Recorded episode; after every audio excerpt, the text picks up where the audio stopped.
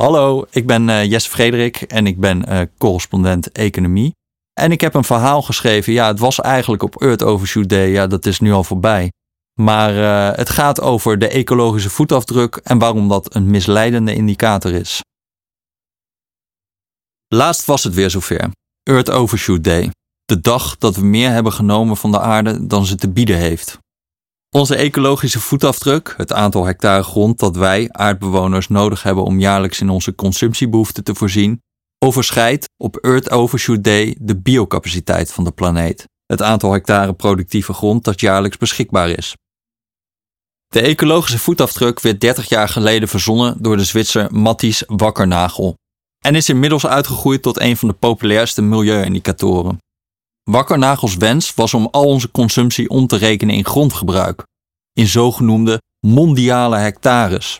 Vervolgens zou je een simpele vergelijking kunnen maken. Hoeveel grond is er en hoeveel is er nodig? Zo zou in één oogopslag duidelijk worden wanneer we onze planetaire grenzen overschrijden. Wakkernagel had met het verzinnen van de ecologische voetafdruk een duidelijk doel. Hij hekelde het geloof dat de mensheid schaarste en ecologische beperkingen altijd kan overwinnen. De ecologische voetafdruk moest weerstand bieden aan de hedendaagse economische mythologie die een wereld voor zich ziet waarin het draagvermogen van de natuur eindeloos kan groeien. Daarin is Wakkernagel aardig geslaagd. Bijna ieder jaar verschijnen er talloze krantenartikelen over Earth Overshoot Day, of onze lokale variant, de Dutch Overshoot Day. Dat is de dag waarop we de aarde hebben overvraagd als iedereen in de wereld net zoveel zou consumeren als wij, Nederlanders. Maar ondanks de populariteit van deze dagen van ecologische treurnis is de ecologische voetafdruk een twijfelachtige indicator. Het is weliswaar een bruikbaar concept voor bewustwording, maar minder geschikt voor gebruik in beleid, stelt het Planbureau voor de Leefomgeving nog diplomatiek vast. Iets minder diplomatiek gesteld, de ecologische voetafdruk is ronduit misleidend. De gemiddelde Nederlander legt, als we de ecologische voetafdruk mogen geloven, beslag op maar liefst 60.200 vierkante meter aan aardoppervlakte. Een voetbalveld of 12. Waar bestaat dat grondgebruik uit? Je zou denken vooral landbouw. Inmiddels wordt namelijk 10% van de bruikbare grond op aarde gebruikt als akkerland, voor gewassen, en 35% als grasland, voor vee. Maar nee, volgens de ecologische voetafdruk is koolstofopslag de grootste boosdoener. De gemiddelde Nederlander heeft maar liefst 34.400 vierkante meter aan grond nodig voor koolstofopslag. Dat is 57% van de totale voetafdruk. Wordt er dan werkelijk ergens op aarde zoveel grond gebruikt om onze broeikasgasemissies te compenseren? Nee, natuurlijk niet. Het is dan ook geen echt grondgebruik. Het is bos dat nodig zou zijn om de koolstof die wij uitstoten weer vast te leggen. De enige reden dat er dus sprake is van Earth Overshoot Day is omdat de makers van de ecologische voetafdruk hebben besloten om alle broeikasgasuitstoot om te rekenen in vierkante meters virtueel bosoppervlak. In feite is de ecologische voetafdruk daarmee een nogal omslachtige manier om te zeggen: wij, de mensheid, stoten jaarlijks een kleine 40 gigaton CO2-equivalent aan broeikasgassen uit, en dat is natuurlijk te veel. Maar broeikasgasuitstoot omrekenen in bos vertroebelt de discussie meer dan dat het haar verheldert. Om te beginnen, waarom bos?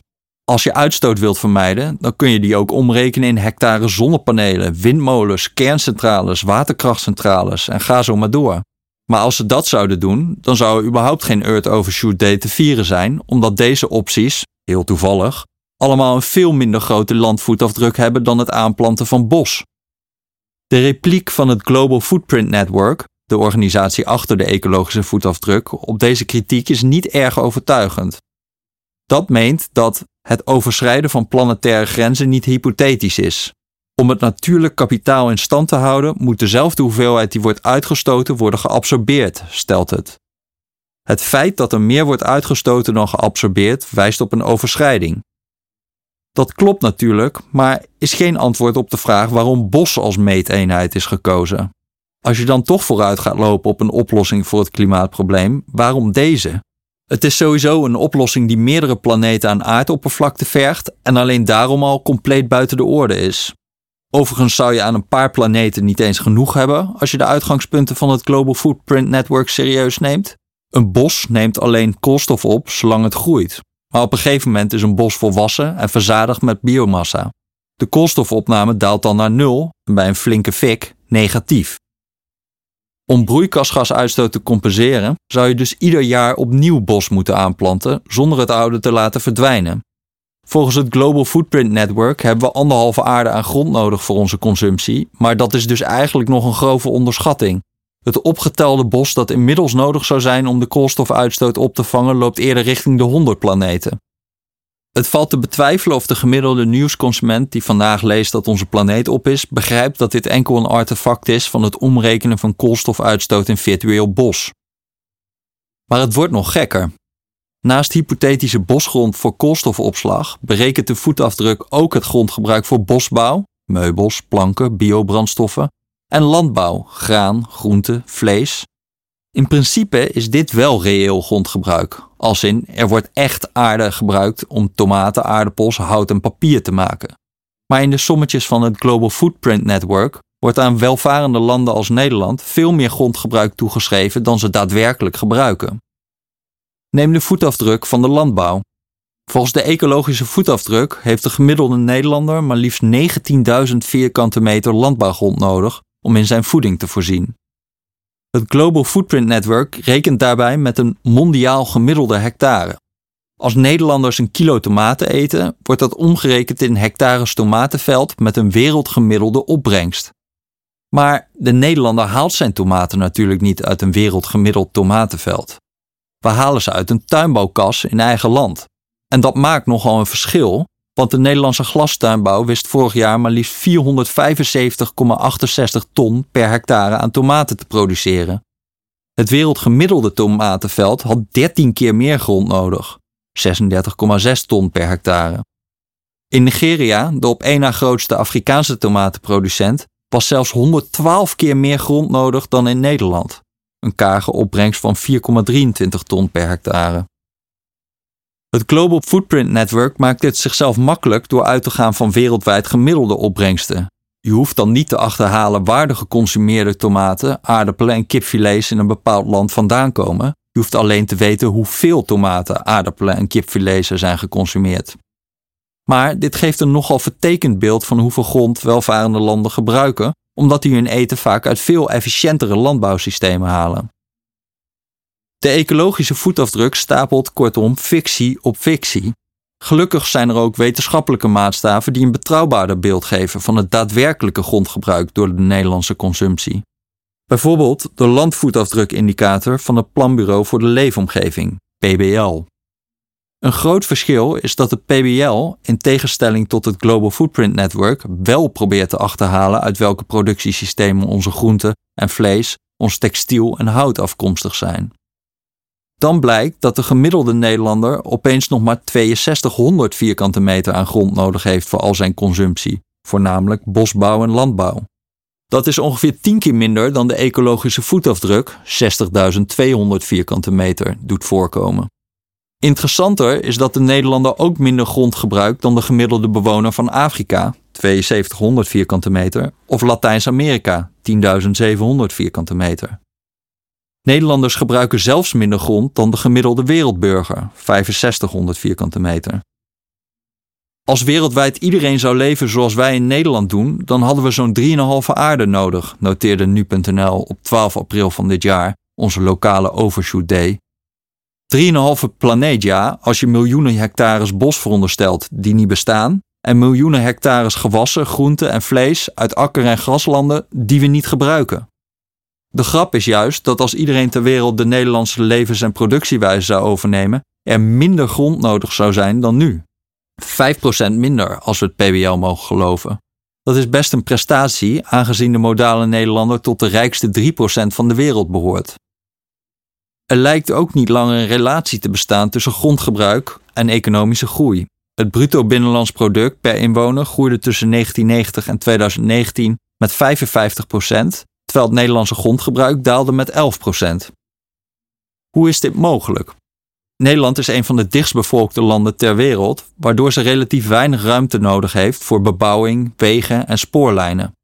Belangrijker, onze groenten komen uit hoogproductieve kassen, onze aardappelen, granen, fruit en spijsolie uit productieve Europese landbouw. En ja, we eten vlees en zuivel met een hoge landvoetafdruk, maar ook die producten halen we uit efficiënte, intensieve veehouderij. Ook gebruiken we relatief weinig grond voor bosbouw. Zo is Nederland koploper in het recyclen van papier en karton. Het inzamelingspercentage wereldwijd is 58,6%, in Europa 73,9% en in Nederland 89%. En in tegenstelling tot veel arme landen koken we op gas of elektriciteit, niet op gekapt hout.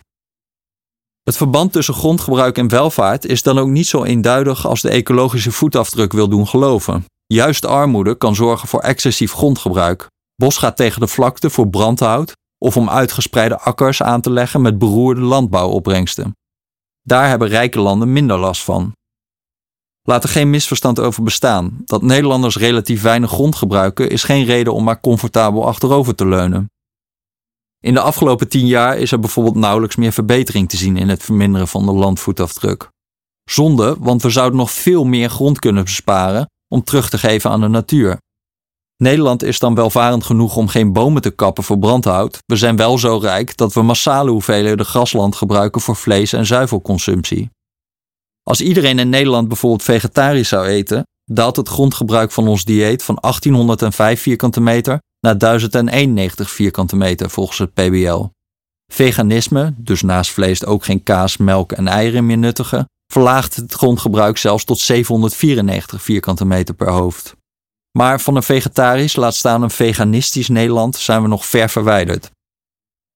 Ja, we halen ons vlees uit efficiënte intensieve veehouderij, goed voor de landvoetafdruk, maar dat betekent in feite beesten ophokken en hun biologische bouwtekening steeds verder oprekken.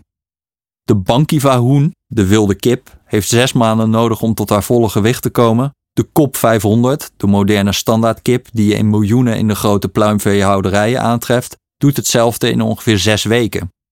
Deze doorgefokte vleeskuikens leven een afschuwelijk bestaan, gevangen in een lijf dat een eiwitmaximaliserend martelwerktuig is. Het enige positieve aan het leven van de moderne kip is dat het niet erg lang duurt. Voordat de moraal het hier gaat winnen van het vreten, zijn er vermoedelijk doorbraken nodig in de productie van smaakvolle en goedkope vlees- en zuivelvervangers.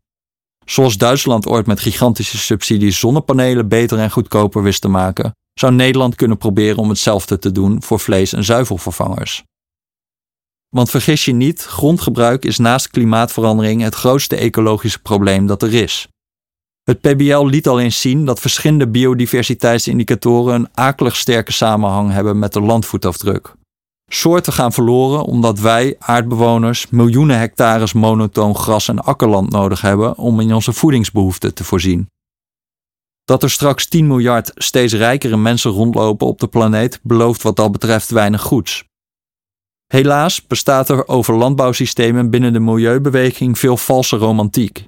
De kleinschalige biologische boer die in ogenschijnlijke harmonie leeft met de natuur, wordt gezien als het summum van milieubewuste landbouw. Tegelijkertijd wordt de hoogtechnologische tuinbouwkas gezien als een soort milieudelict onder glas. Maar waarom eigenlijk? Is de ware ecologische ramp nou een Hollandse tuinbouwkas die 475 ton tomaten per hectare oplevert? Of een Nigeriaans tomatenveld dat slechts 4 ton per hectare kan produceren? Het PBL laat zien dat 100% biologische landbouw het Nederlandse grondgebruik van ons eten met bijna de helft zou vergroten. Van 1805 vierkante meter naar 2725 vierkante meter per persoon. Nu zullen er op die biologische landbouwgrond ongetwijfeld meer olijke weidevogels afkomen, maar zelfs de meest extensief beheerde landbouwgrond kent een veel kleinere soortenrijkdom dan echte natuur, een woud of een moeras bijvoorbeeld. Binnen de milieubeweging bestaat dan ook vaak een opmerkelijke opbrengstblindheid.